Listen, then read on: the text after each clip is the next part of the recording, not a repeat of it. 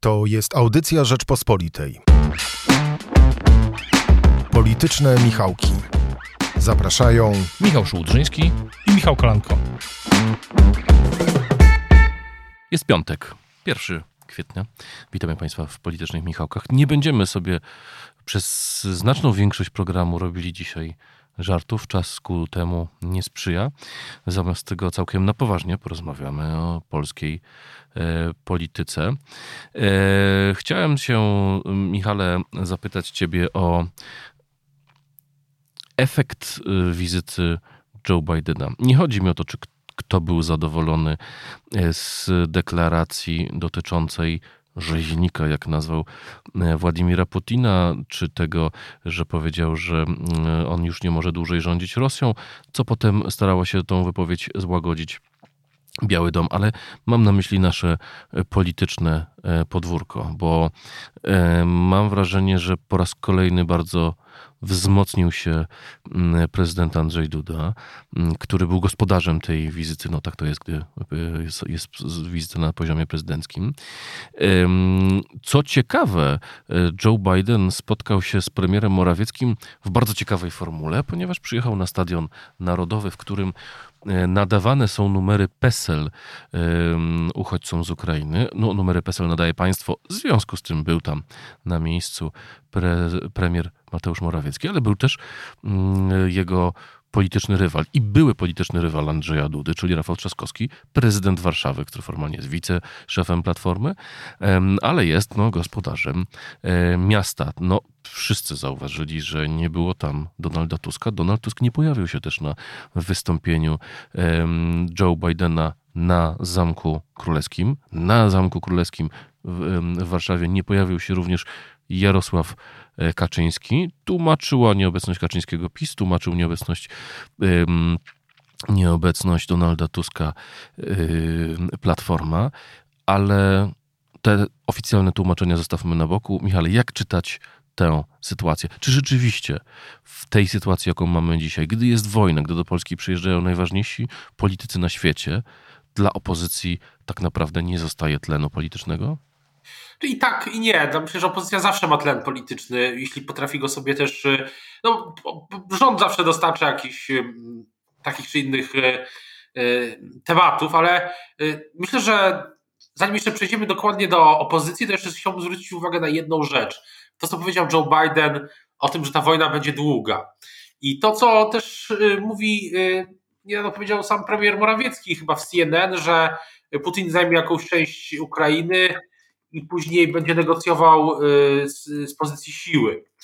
Y, I wydaje się, że to te dwie wypowiedzi można czytać też jako jedną, jedną trzecią Ukrainy, tak powiedział, pan, tak powiedział premier Morawiecki y, w CNN. Rosja będzie starała się zająć jedną trzecią Ukrainy, by wzmocnić swoją pozycję negocjacyjną, a z drugiej strony Joe Biden właśnie powiedział, że ta wojna będzie, ta konfrontacja z Rosją będzie bardzo długa.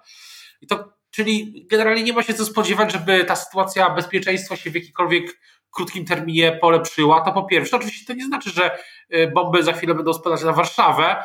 Y, wydaje się, że wręcz, y, że nie. Natomiast to oznacza, że klimat polityczny i to przed pewnego rodzaju, ja nazywam to odkształceniem, to pewnego rodzaju przekształcenie czy odkształcenie polityki w tych nowych czasach, to będzie długoterminowe. I myślę, że potrwa do końca kadencji, co najmniej do, potrwa do końca kadencji, obecnej kadencji PiSu, czyli do, formalnie do października czy tam listopada 2023 roku. A jedna rzecz to już jest to, to, o czym mówiłeś, co wszyscy widzieliśmy, widzimy, że wzmacnia się pozycja obozu prezydenckiego, ale też pozycja tych, y, y, tego gołębiego, nazwijmy to, skrzydła, bo już nie jest tak, że nawet pozycja prezesa Kaczyńskiego, myślę, w tej sytuacji jest nowa, inna, no bo y, główne, główną część polskiej dyplomacji, y, zwłaszcza transatlantyckiej, bo taki jest podział y, od 2015 roku, no prowadzi, y, prowadzi prezydent. Y, dyplomację unijną prowadził i prowadzi y, KPRM. I też mam takie wrażenie, że nawet jak prezes Kaczyński powie teraz coś, mówi coś kontrowersyjnego, to biorąc pod uwagę, że te ośrodki pozostałe są w nowej, nowej pozycji po wybuchu wojny, to też już ma to inne znaczenie, nie mówię, że nie ma, ale ma to inne znaczenie niż miałoby jeszcze miesiąc temu. Wspomniałeś prezesa e, Jarosława Kaczyńskiego. E, Jarosław Kaczyński udzielił moim zdaniem dziwnego wywiadu w e, piątek rano Polskiemu Radiu, ponieważ sporo mówił o katastrofie smoleńskiej, ale najwięcej czasu chyba poświęcił sytuacji międzynarodowej, sytuacji Ukrainy, relacją z Rosją, relacją z Amerykanami, relacją E, w ogóle między, międzynarodowym. E, ale to, co mnie zaskoczyło w tej wypowiedzi, to rozczarowanie Joe Bidenem, jego wizytą i jego przemówieniem. Kaczyński stwierdził, że no nie było tam przełomu, nie było twardej deklaracji o zwiększeniu obecności wojsk amerykańskich w Polsce. Czy to jest gra pomiędzy Kaczyńskim a Dudą? No tutaj prezydencie, wydaje ci się, że jesteś taki ważny, bo spotyka się z Bidenem, ale w sumie co z tej wizyty e, zostało? Wojsk mamy tyle samo, co przed tą wizytą. Może tak być. Zresztą pamiętasz, zresztą, zresztą nasi słuchacze, mam nadzieję, pamiętają naszą rozmowę o wizycie prezesa Kaczyńskiego w Budapeszcie i te nasze te teorie, które... Jowie, w Budapeszcie ostatnio nie był. No, freudowska pomyłka, tak jest. Y, Budapeszt też jest na naszym, e, na naszym radarze, ale z innych powodów. Y, y, tak, wizyta, wizyta prezesa Kaczyńskiego w Kijowie razem z premierami i e, takie było wtedy poczucie, czy nawet takie teorie były snute, nie wiem czy prawdziwe, bo to, to nie udało mi się ani, chyba nikomu nie udało się ich do końca zweryfikować, że, że prezes Kaczyński wybrał się w tą podróż dlatego, że też chciał pokazać, że jest w tej grze, mówiąc tak wprost. I też z drugiej strony, no oczywiście w kręgach, e, gdy się rozmawia z politykami mm, na, na zapleczu, generalnie rozmawia się w kuluarach Sejmu, o tak bym to ujął, to oczywiście pobrzmiewa e, ze strony klubu PiS e, taka refleksja, że tych konkretów z wizyty Joe Bidena mogłoby być rzeczywiście więcej. No ale cóż, nawet w takich sytuacjach jak teraz jest też druga refleksja, że być może pewne procesy trwają dłużej, zarówno procesy dotyczące y, dyslokacji wojsk, jak i y, o co zabiegał premier, prezydent y, Duda, przyspieszenia dostaw uzbrojenia, bo to, to jest taki element tej wizyty, który umknął troszeczkę uwadze, zniknął. Naturalne to jest w tym, w tym, w tym zamieszaniu, że prezydent Duda, z tego co pamiętam, publicznie, czy jego administracja, czy on sam apelowali Y, mówili, że będą apelować do prezydenta Bidena o przyspieszenie dostaw y, uzbrojenia. I to myślę jest istotne y, z, z przyczyn dosyć oczywistych. E, tutaj jak gdyby mamy kwestię e, wizyty Bidena i e, uzbrojenia. E, tych wątków e, ciekawych w wystąpieniu Jarosława Kaczyńskiego e, piątkowym, które myślę, że chyba jednak było pewnym rozczarowaniem, ponieważ PiS pompował to, jak gdyby była tam, miały paść tam wielkie deklaracje, właściwie niewiele tam nowego e, padło, ale jedna rzecz mnie zaskoczyła. Prezes Kaczyński konsekwentnie w ostatnich wywiadach w, włącza do debaty publicznej temat Smoleńska. Rzucił coś w rozmowie w zeszłym tygodniu z polską, polską press, gdy powiedział, że on już wie, co się tam wydarzyło.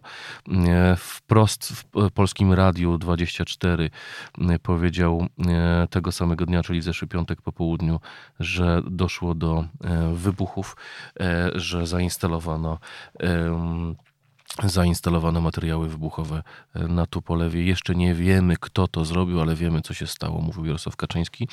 Ciągnął ten wątek następnie e, w kolejnych e, wywiadach. Był wywiad w Gazecie Polskiej, bardzo konfrontacyjny wobec Zachodu, wobec Europy.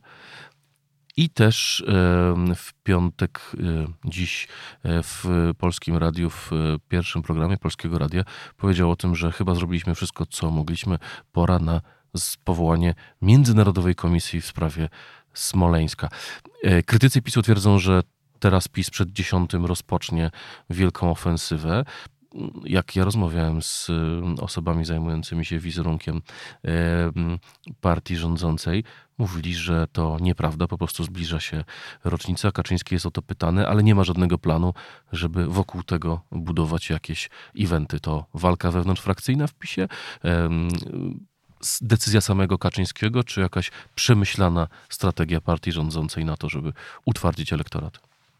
Myślę, że być może jest tak, że to jest wszystko jednocześnie. Znaczy, ja mam, przepraszam, jedno, jedno czego jestem pewny, no to jest to, że prezes Kaczyński nie mówiłby takich rzeczy. Prezes Kaczyński jest y, politykiem i wszystko, co mówi, jest polityczne.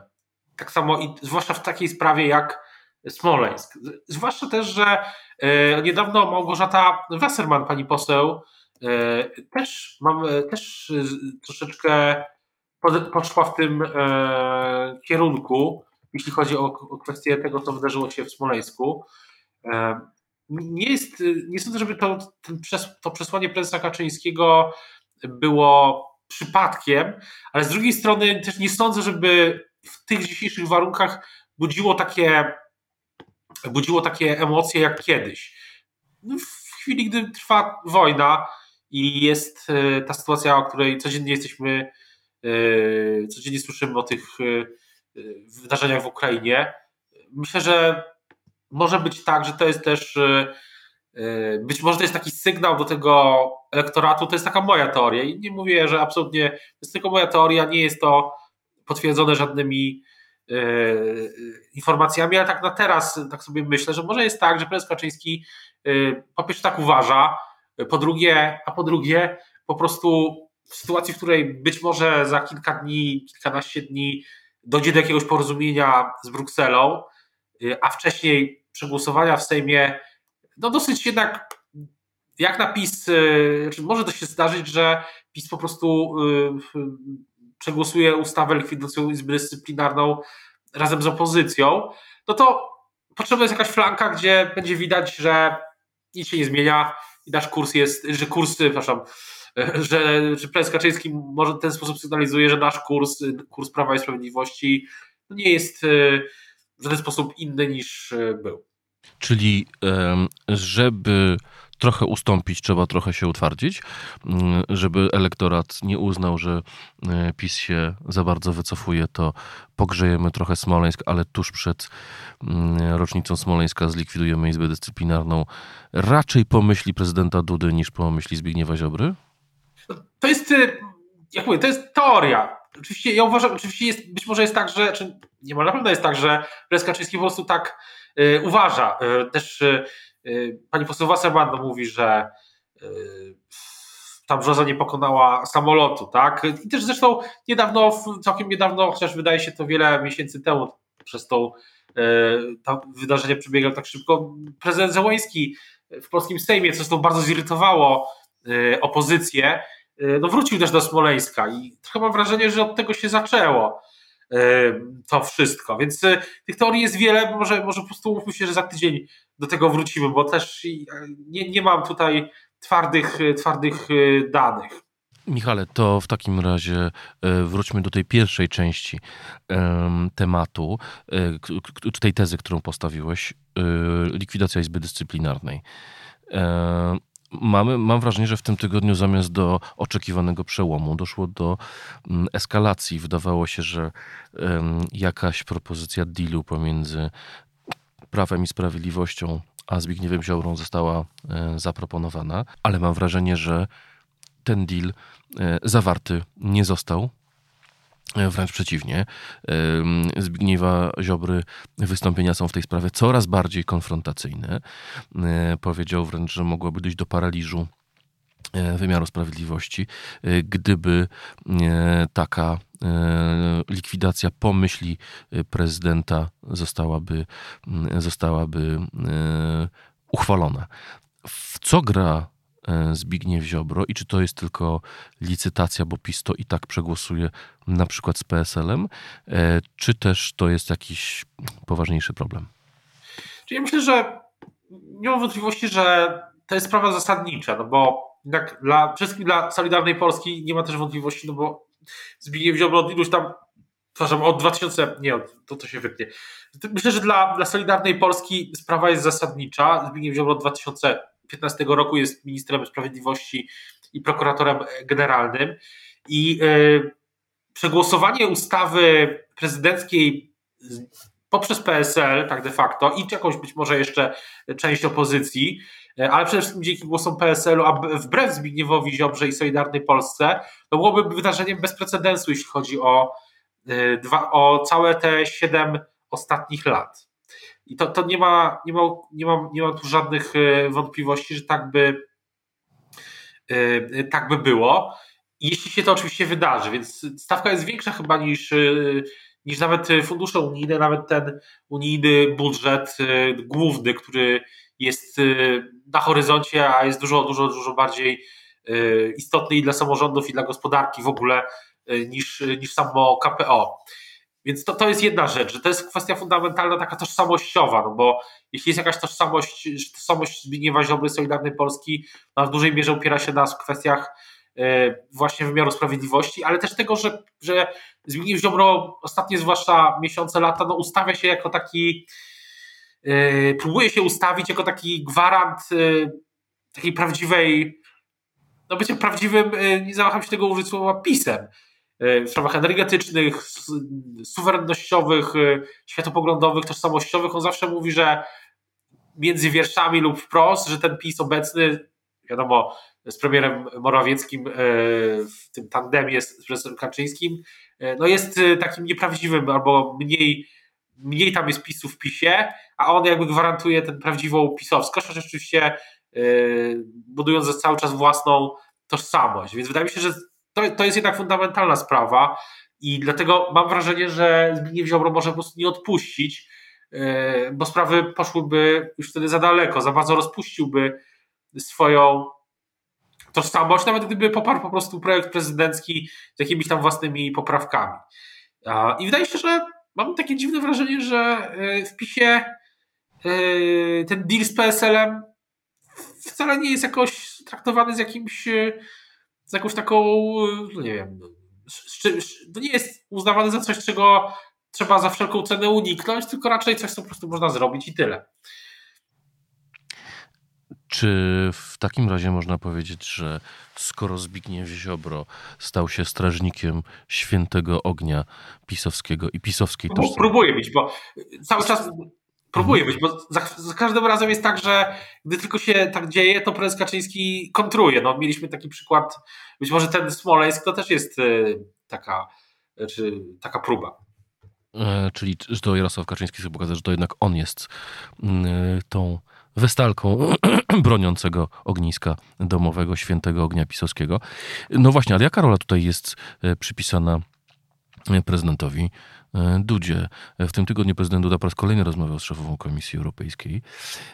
Wiemy, że jest to jednak sytuacja wyjątkowa, ponieważ dotychczas e, z, z szefową, e, szefowa Komisji Europejskiej i w ogóle Komisja Europejska to były kompetencje premiera i jego polityki europejskiej. Mówili, mówiłeś o tym przed momentem.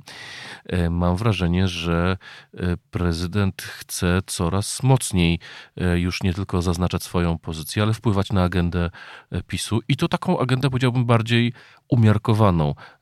Le, weto do Lex TVN czy do Lex Czarnek. Szczególnie to drugie pokazywało, że prezydent uważa, że to nie jest teraz czas na ideowe wojny, na właśnie utwardzanie elektoratu, tylko na.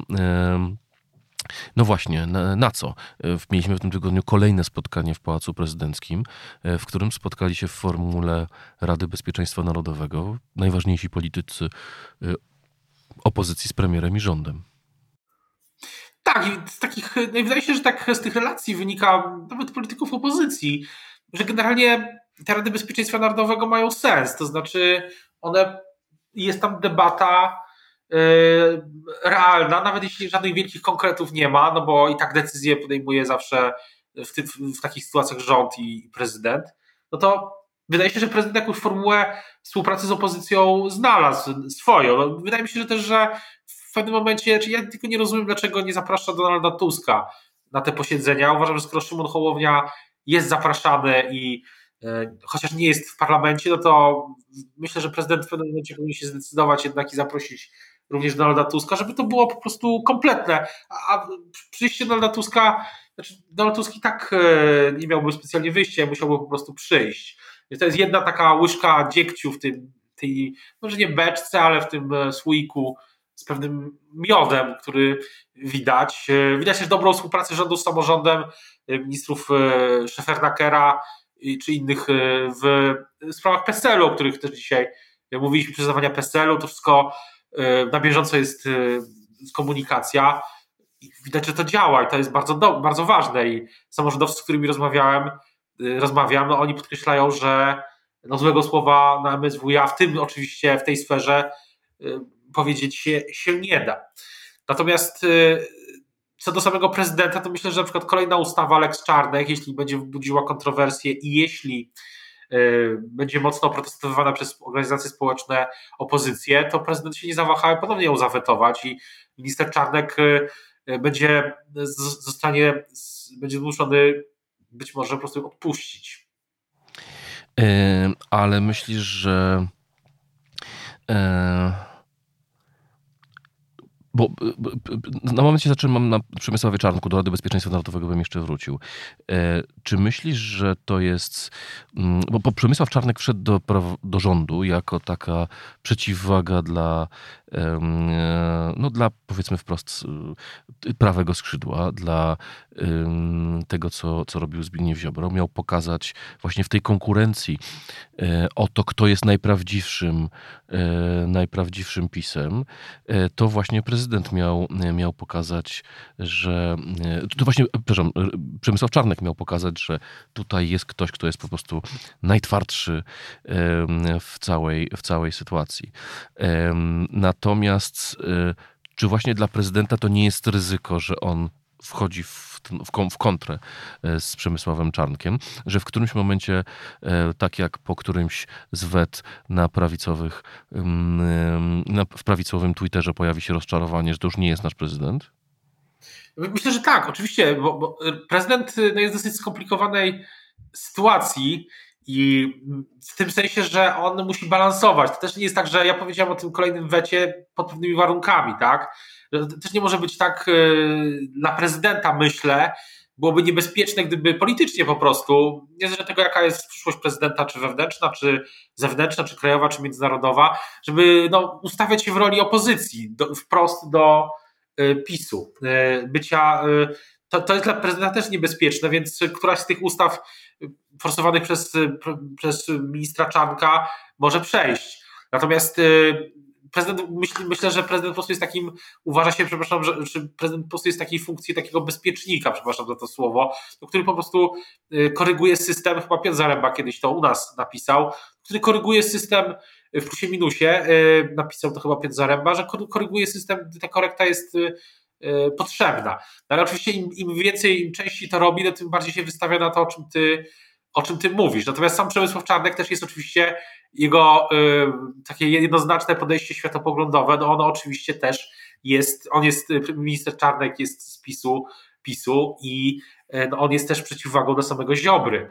To też myślę, prezes Kaczyński też y, był tego absolutnie, y, absolutnie też był jakiś zamysł, gdy konstruowano ten rząd. Natomiast co do, co do tej konstrukcji tego, ten układ sił dzisiaj jest też taki, że zwróćmy uwagę, że prezydent robi swoją, uważa się, że wypełnia swoją rolę tego bezpiecznika, no ale PiS cały czas może mówić swojemu elektoratowi, no, że próbujemy, tak, że robimy, działamy, walczymy z tymi, z tym e, e, strasznym genderem i innym w szkołach, ale no czasami się nie udaje, bo prezydent i tak dalej, więc e, a w praktyce nic się nie dzieje, tak, no prawo się nie zmienia.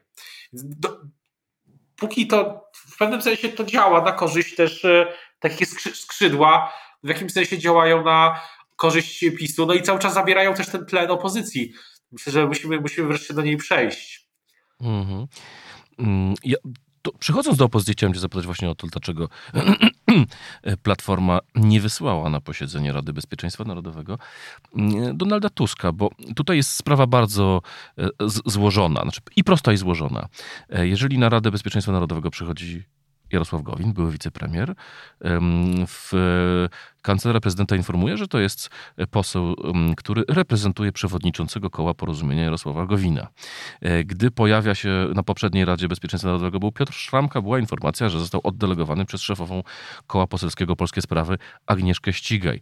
Tomasz Siemoniak reprezentuje na Radzie Bezpieczeństwa Narodowego przewodniczącego klubu parlamentarnego Koalicja Obywatelska, a poseł, właśnie nie poseł Szymon Hołownia reprezentował przewodniczącą Koła Parlamentarnego Polską 2050 Hannę Gil-Piątek.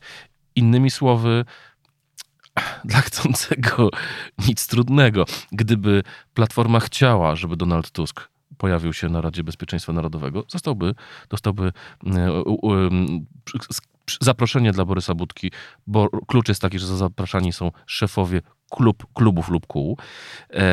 I teraz tak, czy to jest małość prezydenta, że nie zaprasza samego Donalda Tuska, czy to jest jeszcze platforma, która e, wie, że Tusk mógłby się pojawić, ale uważa, że lepiej, żeby się jednak w takiej e, bez imiennego zaproszenia nie pojawiał? Myślę, że może być tak jak e, wspominałem wcześniej, Szymon Hołownia wydaje się, że się tak trochę wprosił, czy to zawnioskował o to, e, żeby, czyli trochę, no po prostu się zawnioskował o to i prezydent się do tego przychylił. Nie wiem do końca i tutaj nie chcę naszych słuchaczy wprowadzić w błąd, czy była próba taka ze strony Donalda Tuska, czy nie. To też e, myślę, że Donalda Tuska bycie na takiej radzie ma swoje plusy, ale też ma swoje pewne minusy, no bo uczestnictwo w takich rozmowach w jakimś sensie legitymizuje prezydenta jeszcze bardziej. No bo wtedy to już jest taka kompletna e, współpraca, znaczy symboliczna, tak? Przynajmniej na parę godzin w jakimś sensie dyskusja. Społeczeństwo ma taki sygnał, że no wszyscy sobą już naprawdę zgodnie współpracują, a prezes, a pre, były premier no musi dbać też o swój elektorat, ten bardzo twardy, który no odstępstw od żadnej y, ortodoksji nie uznaje. Co też no właśnie, w, ty, w, ty, w, tym tygodniu, w tym tygodniu e, premier, mm, e, były premier e, Donald Tusk objeżdżał Polskę. Prawicowy internet. Jedna rzecz, tylko jeszcze jedna rzecz. Przypomnijmy, że Donald Tusk był na, za to na spotkaniu z premierem. I wtedy to było dosyć, myślę, i wtedy, wtedy miał taki. Tym, na którym zaproponowano zmianę konstytucji. Tak, wtedy miał taki po tej konferencji miał taki bardzo dosyć konstruktywny konstruktywne przesłanie, później na Twitterze już było inaczej, ale o tym może, może później. E, no więc właśnie, a co z tym objazdem Polski? Donald Tusk pokazuje, że e, przypomniał sobie swoje własne wezwanie z, konferencji, z konwencji Platformy w Płońsku, gdzie mówił, że trzeba być blisko ludzkich spraw. No i jeździ, e, rozmawia z rolnikami, chodzi po polach mm, truskawek, spotyka się w, z duńskiej woli z mediami na tle Y, bloków. Prawicowy internet y, zaśmiewa się memami tworzonymi, ale chyba to nie prawicowy internet jest, jest tutaj mm, adresatem tej ofensywy Donalda Tuska. Co on chce pokazać? Właśnie, to jest po pierwsze, że jest, jest tak, że y, tak jak mówiłeś, prawicowy internet się zaśmiewa z memów, ale to w ogóle jest kompletnie bez znaczenia, bo po pierwsze wyborcy w Płońsku i czy wyborcy w duńskiej woli no nie, nie korzystają z Twittera prawicowego, zwłaszcza nie śledzą prawicowych kont, nie są memy i kompletnie ich to nie obchodzi, nawet gdyby wiedzieli, że takie rzeczy są y, na Twitterze, to mieliby to kompletnie gdzieś, biorąc pod uwagę no, takie jak skalę dzisiejszych problemów, który, z którymi każdy z, z Polaków się boryka. Y, to pierwsza rzecz, więc ja uważam, że ogólnie koncepcja jest y, dobra, to znaczy premier, były premier Donald Tusk pokazuje, że jest blisko ludzi jakkolwiek i, i blisko takich spraw, które są bieżące, no bo politycy Platformy mówią, mówią tak, okej, okay, jest, rozumiemy, jest straszna tragedia, Ukraina, wszyscy pomagamy, Platforma, jak inne partie, y, Lewica, Ruch Hołowni, PSL, y, PiS, wszyscy, wszyscy politycy, partie jeżdżą y, jak mogą, tutaj poseł Szłapka, poseł Zębaczyński z Nowoczesnej na przykład jeżdżą na, Ukra na Ukrainę kolejnymi konwojami czy misjami humanitarnymi. Są zaangażowani. Ta Ukraina to oczywiście jest coś, co Polacy rozmawiają o tym codziennie, ale po pierwsze, może być już tak, że troszeczkę już mniej rozmawiają, bo minął, minął ponad miesiąc, a po drugie, no to nie znaczy, że, że nie ma innych spraw, tak? że nie ma drożyzny, inflacji, kredytów, to mówią politycy Platformy, dlatego musieliśmy wrócić do tego, co robiliśmy w styczniu na przykład, tego objazdu, tego spotykania się ze zwykłymi ludźmi. I wydaje się, że pod tym względem jest to, jest to, niezły, jest to niezły pomysł. Wszystkie te, e, zostawmy naprawdę te, zostawiając naprawdę wszystkie jakieś memy czy, czy złośliwości, to jest e, coś, co premier Tusk, były premier, e, musi robić w przygotowaniu w jakimś sensie do kampanii wyborczej, bo e, bez takiego kontaktu z ludźmi, bez ominięcia tego Twittera, no nie będzie miał wielkich szans ani Platforma, ani cała opozycja na zwycięstwo. Musi politycy z różnych opcji, zwłaszcza bardziej doświadczeni, no, pod, podkreślają, że no, trzeba po prostu iść do ludzi, nie traktować ich źle czy z wyższością, tylko z nimi rozmawiać. No i premier Tusk, był premier, to po prostu robi.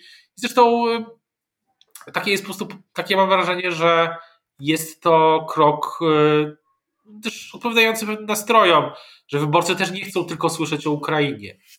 Jakkolwiek, przepraszam, jakkolwiek by to nie zabrzmiało. Michale, na sam koniec chciałem się ciebie zapytać, pozwalając sobie na lekkie rozluźnienie tematu związane z dzisiejszym Prima Aprilisem, e, czy w twoim życiu zawodowym e, nastąpił jakiś game changer? No, w zasadzie tak, ponieważ e, tak, myślę, że można, znaczy mam nadzieję, bo od jakiegoś czasu jest oficjalna informacja, że rzeczywiście książka, którą napisałem. Nie, proszę Państwa, Michał nie odchodzi z Rzeczpospolitej, zostaje, ale oprócz tego. Tak, oczywiście. Ma dla, ma dla Państwa niespodziankę. Tak, y, bo y, równolegle y, napisałem książkę. To książka, książka nazywa się Game Changer za kulisami polityki i jest dostępna już w przedsprzedaży w popularnych księgarniach internetowych. No i myślę, możemy też ujawnić, i to nie jest prima aprilis, ani ta książka nie jest prima aprilisem, ale mogę też powiedzieć, ujawnić, że zapoznałeś się już z tą książką i, nie, I chyba mam wrażenie, że, że uznajesz ją za chyba wartą przeczytania. Nie, no to, to na pewno. E, to, co mnie w niej, co było dla mnie game changerem po jej przeczytaniu, to jest ilość punktów widzenia, które w niej e, zawarłeś, bo widziałem, że już na Twitterze ktoś cię pytał, a czy tam wyjaśniłeś sprawę y, maili Dworczyka, a to czy odniosłeś się do czegoś. Nie, to jest książka o tym, jak się robi w Polsce kampanie wyborcze. Mogę, mogę to ujawnić? E, I o tym, jakie jest myślenie tych osób, które no, za te najważniejsze e, w polskiej polityce właściwie na przestrzeni ostatnich 20 lat kampanie wyborcze organizowali, co ich zdaniem było game changerem e, i jak na żywo w ostatnich latach zmienia się polska polityka, więc każdy, kto się tym interesuje, powinien to przeczytać. Dzięki. Natomiast też powiem, że jak mam takie wrażenie, że jak rozmawiamy nawet dzisiaj i yy, że ta książka, no bo ja też ją no, siłą rzeczy dobrze znam, yy, ona cały czas jest, yy, ona jest aktualna też w kontekście tego pytania, no co, co dalej, co, nawet, nawet co z tą, co, jaki jest wpływ wojny na, na politykę, ale też no, kto wygra następne wybory, bo, bo myśl, myślę, że sporo rzeczy Y, po przeczytaniu jej staje się troszeczkę bardziej, mam taką nadzieję, mam takie wrażenie, że nadzieję i wrażenie, że trochę staje się jasne. No ale to 26 y, kwietnia jest premiera, wtedy będziemy mogli, mam nadzieję, też porozmawiać o niej szerzej. Na razie przedsprzedaż trwa i zapraszamy serdecznie. Y, I to nie jest prima aprilis bynajmniej. Do, w internet można szybko znaleźć, ten, znaleźć te, tę pozycję. A tymczasem żegnamy się z Państwem. Michale, bardzo Ci dziękuję za tę rozmowę. Dziękuję Michałowi Paterze, który był naszym realizatorem i Magdalenie Burkiewicz, która wydawała ten podcast. Zachęcamy do słuchania również innych audycji Rzeczpospolitej. E, trzymajcie się Państwo bezpiecznie i zdrowo. Do usłyszenia za tydzień. Do usłyszenia. Słuchaj więcej na stronie podcasty.rp.pl. Szukaj Rzeczpospolita Audycje w serwisach streamingowych.